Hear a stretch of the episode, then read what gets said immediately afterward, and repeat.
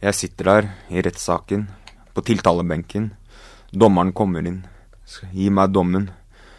Straffemålinga, han begynner å lese opp. Martin, du dømmes for drapsforsøk. Dommen settes til forvaring i åtte år, med minstetid på fem år og fire måneder. Jeg tenkte what? Jeg ble helt satt ut, ass. Jeg tror jeg har fått øye på de mistenkte. Over. Hva ser du? Over. De har gått inn en dør. De slår på noe som ser ut som en eh, maskin. Nå går vi bort til et høyt bord med noen svarte ting. Kan se ut som et våpen. Over. Vent, får videre instruks. Over. Nei, vent! Det kommer på en rød lampe. Over. Røverradioen. Norsk fengselsradio. Velkommen til Røverradioen. I dag skal vi snakke om det alle innsatte venter på, men frykter, og det er dommen. Rettere sagt skal vi snakke om en helt spesiell dom, og det er forvaring. Hei, hei, hei. Jeg heter Martin, og ved siden av meg i dag har jeg Christian, aka Hva skal vi kalle deg, Christian? Kom, kom opp med et forslag. Ja, Det finnes mange forslag. Ufriske Christian og diagnose-Christian. Hei, hei, hei, alle.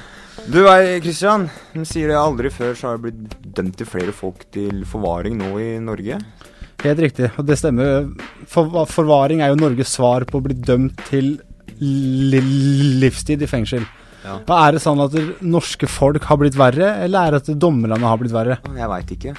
Kan være det. Ja. Men uh, dommerne har det har i hvert fall skjedd en stor endring da, de siste åra. Helt riktig. Ser jo at uh, flere folk kommer på forvaring, men det er jo ikke godt å si, da. Ja. Så i dag skal vi få en helt spesiell gjest her i studio, som kan uh, hjelpe oss med disse spørsmålene, da. Ja. Nemlig Randi Rosenquist. ja, det er kult. En av Norges eh, fremste psykiatere. Hun var jo med og starta forvaring tilbake i 2000-tallet. Ja.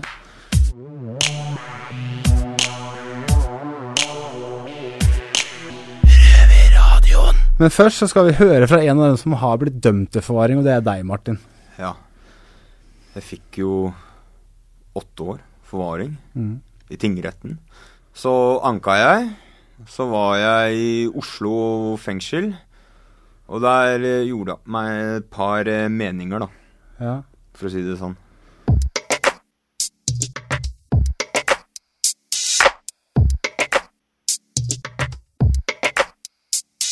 Hva syns du om måten forvaring blir brukt på nå om dagen? Eh, det er litt spesielt. Du vet, jeg var i, jeg var i Oslo fengsel vet du, i fire dager. Ja. Og eh, eh, halvparten av de jeg møtte da, jeg snakka med kanskje 30, ja, 20-30 stykker mens jeg var der. Halvparten da, av de hadde jo fått påstand på forvaring. Jeg har aldri sett så mange da, som har fått påstand på forvaring. Det, virker, det har blitt en total popkultur da, fra ja. påtalemyndigheten sin side. Men de guttene du snakka med der, alle, alle dem, er det gjengangere? Eller var det noen der som også er eh, typ eh, første, kanskje andregangssonere, som også at de slenger ut det forvaringsgreiene på? Ja, eh, det er sånn som du sier, ja. Ja, det er litt sjukt, det åssen de uh, holder, holder på med Holder på om dagen, de greiene der. Ja, det er litt spesielt, fordi at Også det jeg la merke til under retten, da, det var at uh, statsadvokaten da sier at nei, forvaring er skikkelig bra for at kriminalomsorgen eh, rehabiliterer folk, og de er skikkelig flinke, da. Spesielt med de på forvaring og sånt, da. Ja, Med tanke på oppfølging og sånt. ja. Og så sier advokaten min bare Er det rett, det er bare å ta, så, ta Google-søk da på Ila fengsel, og direktøren der så ser at historien er helt annerledes, da. Ja. Kapasitet er sprengt, ikke sant. Er, du sitter på oppbevaring, da. ja. Rett og slett. Du får ikke noe hjelp eller noen ting. Skjønner du?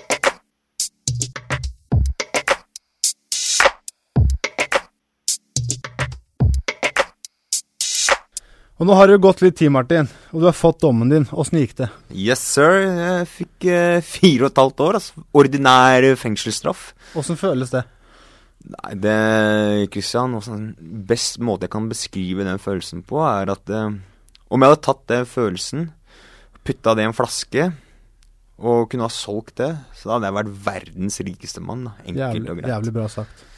Men eh, Martin, nå må vi finne ut av det der for, forvaringsgreiene. Helt riktig, Kristian. Det må vi gjøre.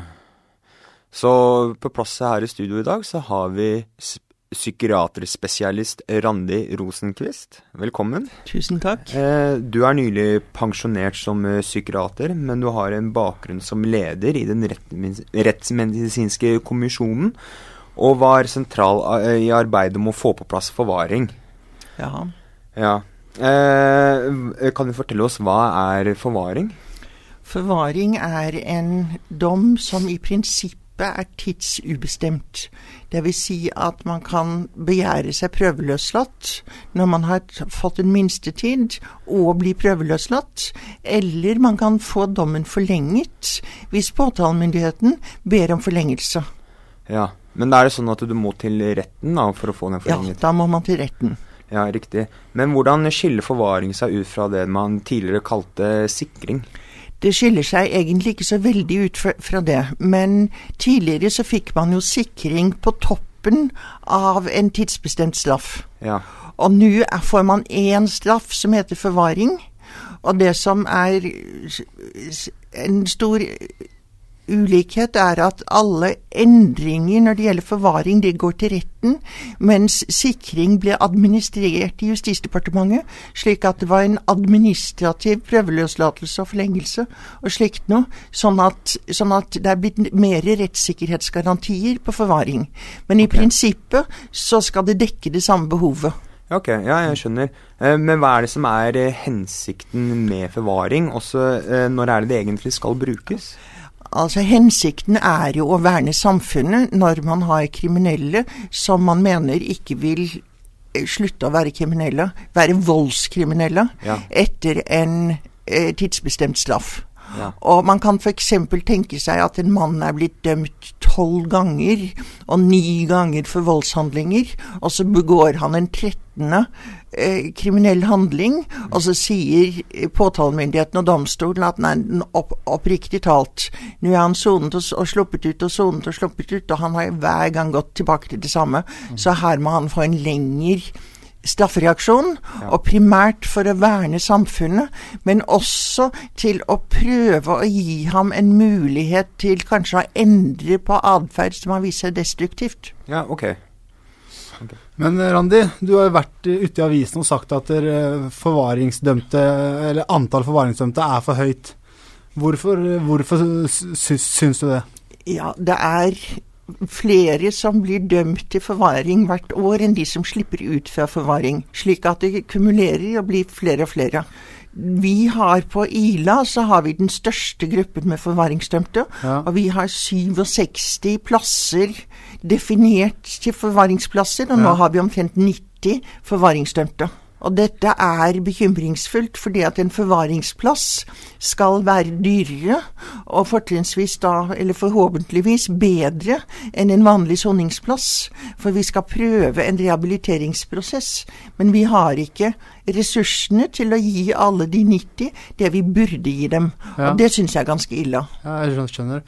Men uh, tror du det med forvaring har blitt en trend, og at folk egentlig gi forvaring uten å vite hva det innebærer? Jeg vet ikke hva, om de vet hva det innebærer sånn å ha en forvaringsdom. Ja. Det er jeg ikke sikker på at de skjønner. Nei. Men det er nok enkelte typer kriminalitet som domstolene reagerer veldig på. Ja. Og vi har jo ganske mange forvaringsdømte som har begått sedelighetskriminalitet overfor barn. Men jeg er forbauset over at vi har få av de aggressive voldtektsmennene som voldtar kvinner gjentatte ganger. Ja, ja. Men domstolen reagerer åpenbart mer på kriminalitet vis-à-vis barn. barn. Og så har vi en gruppe som er psykiatrisk veldig dårlig, men som da av forskjellige grunner ikke får oppfølging i, i psykiatrien. Ja. Og det er en gruppe jeg er veldig bekymret for.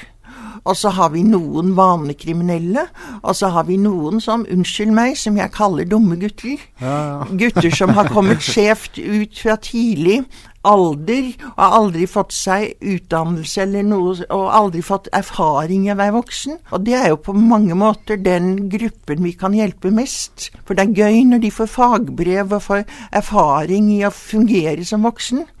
Men altså de, de med seksualitet overfor for uh, barn. Det er jo en type uh, som får, ofte får forvaring. Og så er det den gruppen som jeg er veldig bekymret for. De som aldri vil kunne klare seg på egen hånd. De som fungerer sånn dårlig, som har hjerneskader, som har psykiske lidelser. Og, og hvor da psykiatrien og kommunene ikke gir dem den omsorgen de skal ha. Ja. Og jeg tenker av og til at forvaringen, eller, eller kriminalomsorgen, er den eneste legitime omsorg i Norge som har låst dør. Ja. For, og, for, psykiatrien kan jo ikke holde på folk som vil ruse seg. Kommunen kan ikke holde på folk som vil ruse seg. Og hvis du har en relativt lav IQ, hvis du har mange psykiske problemer, kanskje har vært psykotisk noen ganger, har angst osv., så, videre, så klarer du deg ikke selv. Nei. Og jeg syns jo at det er sørgelig at de skal bo i fengsel. Ja.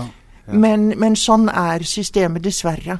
Men syns du at det er riktig at de som du sier da, er dumme gutter og sånt, da? Skal på en mm. måte få en uh, forvaringsdom? La meg si det sånn at jeg tenker at alle de som får forvaringsdom, har en statistisk høy risiko for ny voldskriminalitet. Men jeg tror jo at det er ganske mange andre som også har en statistisk høy risiko for ny voldskriminalitet, som ikke får forvaring. Ja. Så det er vel mitt inntrykk at det er litt tilfeldig om man havner i forvaringsbåsen eller i vanlig tidsbestemt straff. Ja. Eh, men eh, forvaringsdømte koster jo mer penger, da, sånn som de sier, enn andre innsatte. Og tidligere fengselsleder ved Ila fengsel har jo varslet selv om det er en økning i forvaringsdømte, så øker de ikke budsjettet da, Nei. til fengslene. Nei. Hva, hva tenker dette, du om det? Dette er veldig ille. Altså Nå ja. har vi 90 forvaringsinnsatte når det er finansiert til 67. Og de senere årene så er jo driftsmidlene til fengslene redusert og redusert. Og jeg skjønner jo at Justisdepartementet sier at de bruker mye på kriminalomsorgen når de bygger nye fengsler. Ja. Men det å drifte de fengslene som er, det er blitt trangere og trangere. Og det er mye vi gjerne skulle ha gjort, og som vi faktisk gjorde for ti år siden, men som vi nå ikke har råd til å gjøre. Oh, men uh, Justisdepartementet eh, foreslo i desember 2016 å heve den maksimale straffen fra 21 til eh, 40 år. Og det ble stemt ned i Stortinget. Tror du forvaring i dag brukes som et alternativ til å gi straffedømte en lengre dom? Ja, og det er etter min mening egentlig ikke intensjonen. Ikke sant? For, men, men det, det, forslaget kom jo etter Breivik-saken, ikke ja. sant. Og man sa å, det er så ille at man ikke kan idømme 30 års forvaring. Men jeg tenker at hvis politikerne mener at noen fortjener å sitte i fengsel i 30 år, så får de sa, sette 30 år som maksimalstraff da. Ja. Og ikke si men da, da får du forvaring, og så kan vi forlenge det. Jeg skjønner. Har forvaring blitt et politisk grep? Klart det. Og jeg vil jo si at eh, disse siste syv justisministrene vi har hatt, har jo vært opptatt av å, å straffe som fortjent. Ja. Og ja. hvor forvaring står som, som noe av det skremmende. Det er klart at man er opptatt av at eh, vi skal gjøre samfunnet sikrere. Jeg er ikke helt sikker på hvor uh, stor effekt det har.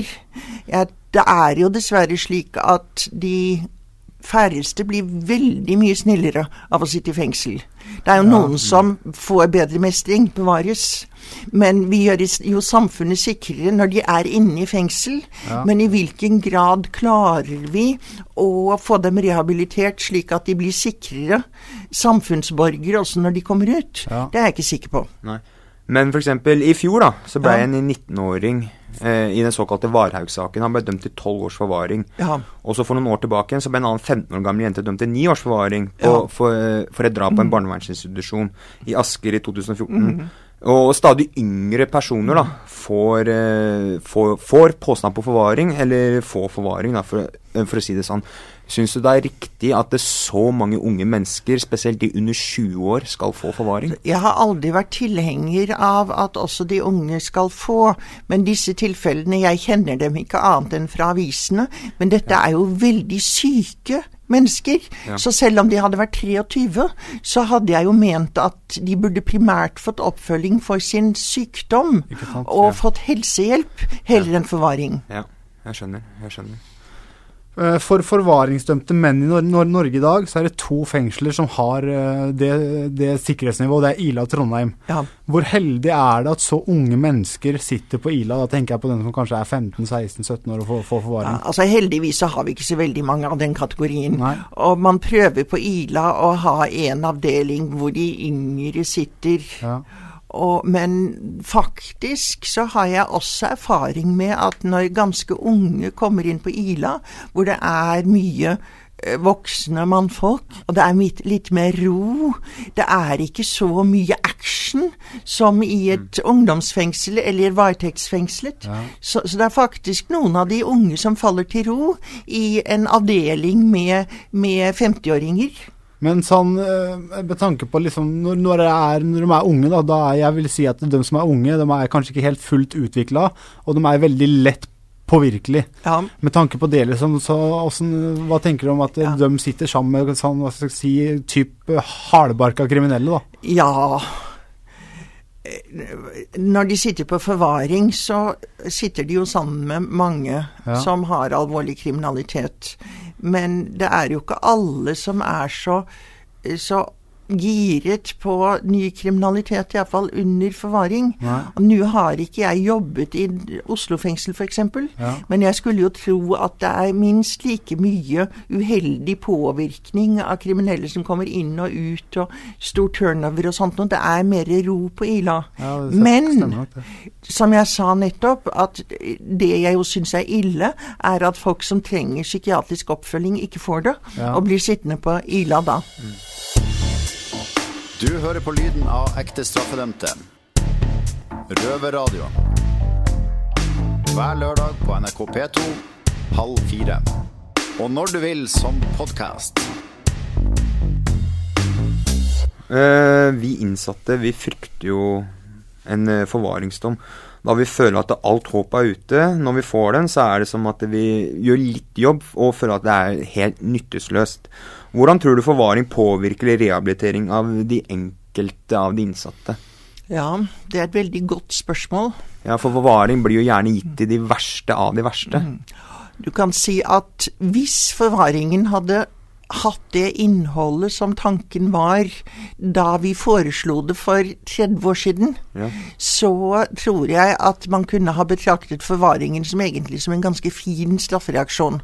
Ja. Men sånn som det er nå, så skjønner jeg at folk blir ganske oppgitt. Og jeg var i retten for en tid siden med en som liksom etter å ha vært i retten, så sukket han at nei, han kom vel til å dø på Ila. Og mm. det er jo ikke noe hyggelig. Og, og det, det, det er jo ikke sånn vi ønsker at det skulle være. Nei, for folk føler jo kanskje at alt håp er på en måte ute når du får en forvaring? De, det er noen som blir veldig oppgitt. Ja. Men vi får jo ut altså Noe som vi får til, som jeg syns er veldig bra, mm. er de som er lettere psykisk utviklingshemmet eller nesten så dårlig fungerende. De kan få en kan, kan prøveløslates til en institusjon som kriminalomsorgen lager. Ja. Slik at vi har noen veldig positive prøveløslatelser der. Men eh, så er det noen som faktisk kan, kan prøveløslates hjem. Og eh, det vi jo ser på Ila, er at vi prøver å få folk videre til åpne fengsler. Vi vil ikke at folk skal sitte på Ila og så plutselig slippes ut døren og si 'nå får du klare deg så godt du kan'. Ja, ja. Men vi vil ha folk videre på åpne fengsler og kanskje overgangsbolig. Og det å få en monitorert, få en utslussing som blir hvor man får god støtte. Jeg var nylig i en sak som gikk fra Berg fengsel, hvor, hvor, vedkommende hadde vært på Ila, og så på Berg, og så hadde han vært prøveløslatt og fulgt opp av friomsorgen, og det gikk veldig bra. Ja. Slik at når vi klarer å sette inn ressurser, så er det faktisk mer håp enn hvis du bare soner en, en, straff og vet at du blir løslatt den og den datoen, ja. uten, uten noe oppfølging. Men er det veldig mange som går ut, da, sånn som du sier utslusning, eller er det veldig mange som bare blir løslatt rett ut? Det er få som blir løslatt rett ut fra Ila. Dessverre så må folk vente veldig lenge på å komme over til, på åpen anstalt. Ja. Og det er for lite plass, for få plasser på de åpne anstaltene. Og de som driver det, sier at vi trenger mer ressurser fordi at det er så mye byråkrati. Man må skrive rapporter, man må gjøre mer for de mm. forvaringsdømte. Men det jeg virkelig skulle ønske meg, var mange flere åpne plasser, sånn at folk kan få en, en fornuftig utslussing med mm. personer som er innstilt på å hjelpe og støtte dem. Det høres uh, veldig bra ut, det du sier der. Ja. Veldig bra. Men vi har jo sett at det, er jo flere åpne fengsler har jo blitt lagt ned, da. Ja.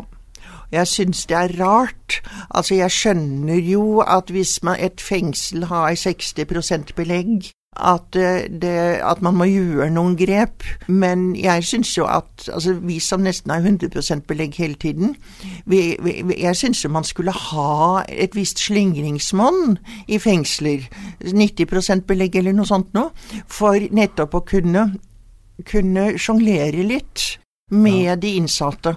Hvis vi, skal, hvis vi f.eks. har en innsatt som ønsker å bytte avdeling, ja. så blir det jo nærmest sånn Rubriks kube. Sånn ja. puslespill. Hvis han flytter dit, så må den flytte der, og da må det bli en løsåpning sånn. Ja. Vi har ingenting å gå på. Men vi ville jo gjerne at folk skulle ha den aktiviteten som var best for dem, og den avdelingen som var best for dem, ja. og utslusing til åpent fengsel når de var i stand til å takle det. Ja. Så det er kanskje nøkkelen å komme ut på åpne fengsler og så videre, da. Ja. ja helt klart. Men, men, det med forvaring og sånn, sånn signaler tror du det sendes til vanlige straffedømte, da, også sånn som meg, mm. når de får påstand på forvaring, for de er jo ikke en massemorder, da. Nei, si det er jo sånn. bra at du ikke er. Ja, ja, du skjønner. Men hvordan jobber man med personer som er dømt til forvaring, som ikke har fått noe tid, da, når de ikke skal slippe ut, på en måte? Ja, Nei, altså vi prøver jo å snakke om det som vi kaller indre og ytre progresjon. For den ytre progresjonen er at du gjør deg fortjent til permisjon når du ja. har kommet til permisjonstid. Ja, ja. Og det er ikke alle som får permisjon ved permisjonstid. Og, men, men at, at, det vanlige med mer permisjon og sove på åpent fengsel og, og den ytre progresjonsretten Men så snakker vi også om den indre pro, uh, progresjonen. Hvordan må du forandre tankegangen hvis du skal komme videre? Og, disse programmene vi har i, på Ila, det er klart at det er ikke alle som, som øh, lærer noe særlig av dem. Men det vi prøver å tenke, er at nå har du gang på gang kommet opp i situasjoner hvor du har gjort veldig dumme ting. Og kan du analysere dette, slik, og kanskje skjønne noen sånne forvarsler? For det er ikke slik at man plutselig står i en situasjon hvor man har slått, slått kameraten i hodet med en flaske. Man har kanskje vært sur et par dager, og så har man kranglet med kjæresten, og så har man ruset seg litt mer, og så har man gått ut. Og, og hvordan kan man se sånne dårlige utviklinger? Ja, Man måtte gå ut av deg selv og se ja. hva du holder på med, ikke sant? Ja, ja og, og, skjønne at du, du er ansvarlig for det du gjør, ja. og da må du tenke på ting i forkant. Ta, ikke ta ansvarsfraskrivelse. Det er jo mange som etterpå etter sier ja, ja, ja, jeg tar ansvar for det, men de har allikevel ikke en følelse at de faktisk var ansvarlig for å gjøre det de gjorde. Ja. Men, men, de bare sier å ja, ja, ja, ja, det var ansvar, for det ja. vet de lyder bra i retten. Ja, ikke sant. Skjønner.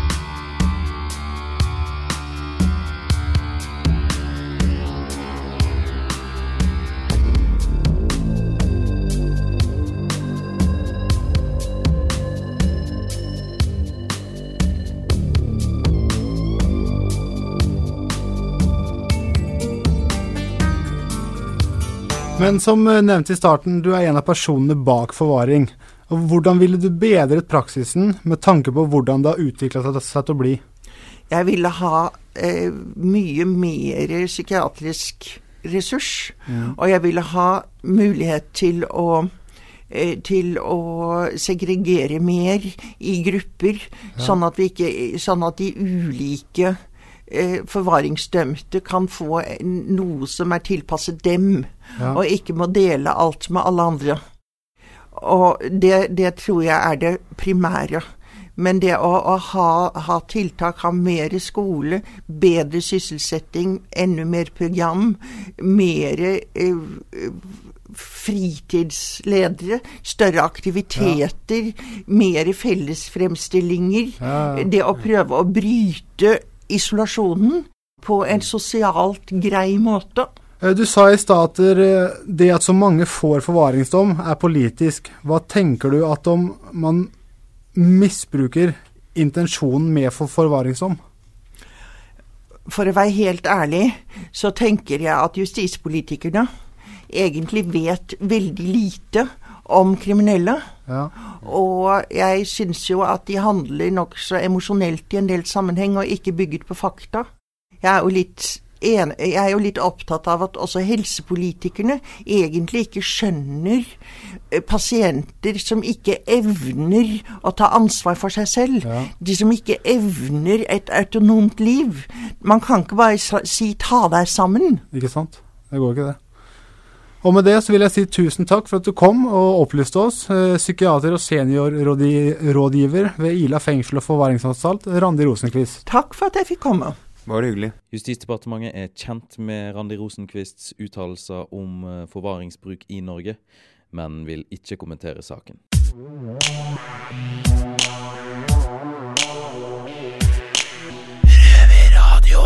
Nå er sendinga snart ferdig, Martin. Hva er det du har lært i dag? I dag Christian, så har jeg lært, eh, ifølge Randi da, Rosenkvist, at eh, forvaring er et politisk grep og en trend da, fra politiet og politikernes side. At forvaring blir eh, misbrukt? Liksom. Ja, du kan vel eh, si det sånn. Den står jo og deler ut det som det er godteri, ja. rett og slett. Men gjør jo det. Men har du, hva har du lært i dag, Christian? Har du lært noe? Ja, det var veldig interessant å høre på det Randi sa. Eh. Ja, det var det. Og vi, vi satt jo og snakka litt sånn utafor sendinga òg, der uh, var det et par ting hun sa som fikk meg faktisk til å tenke litt. Ja. Hun var jo veldig Det jeg likte med henne, hun var direkte, da. Ja, veldig ærlig og veldig ja, ja. direkte, og sa det akkurat sånn. Og det, det er jo egentlig det er jævla kult, ja. og det er ålreit. Veldig kul dame, egentlig. Ja, faktisk. Men Kristian, hvor er det du kan høre oss hen? På P NRK P2. Lørdager klokka Halv fire. Ja, Og hvis ikke du sitter i fengsel og er ute i samfunnet, hvor kan du høre oss da? Da kan du høre oss på podkast. Jeg er ikke helt sikker hva det er egentlig, men eh, det er tydeligvis et eller annet sånn på, på internett. da. Ja, internettet. Et eller annet sted der. Ja, Kristian, hva er det du skal gjøre nå seinere i dag når du kommer opp på cella? På cella så er det begrensa med muligheter. Da er, ligger jeg som regel og ser på DVD. Så nå driver jeg og ser på Broen. Det er sånn uh, svensk, uh, svensk, serie. Ja, riktig. Og jeg er på, uh, ferdig med andre sesong straks. Og ja. Jeg husker egentlig ikke så jævla mye, for jeg bare ser på det for å få tida til å gå. Og, men jeg skal trene da, på ja. K-bygg, faktisk. Ja, flink er du. Ja. Veldig flink. Ja, det blir deilig. Og det jeg gleder meg mest, er å drikke shake etter treninga. For den er jævlig god. Ja, det det blir gøy. Jævlig god, Martin. Ja, ja,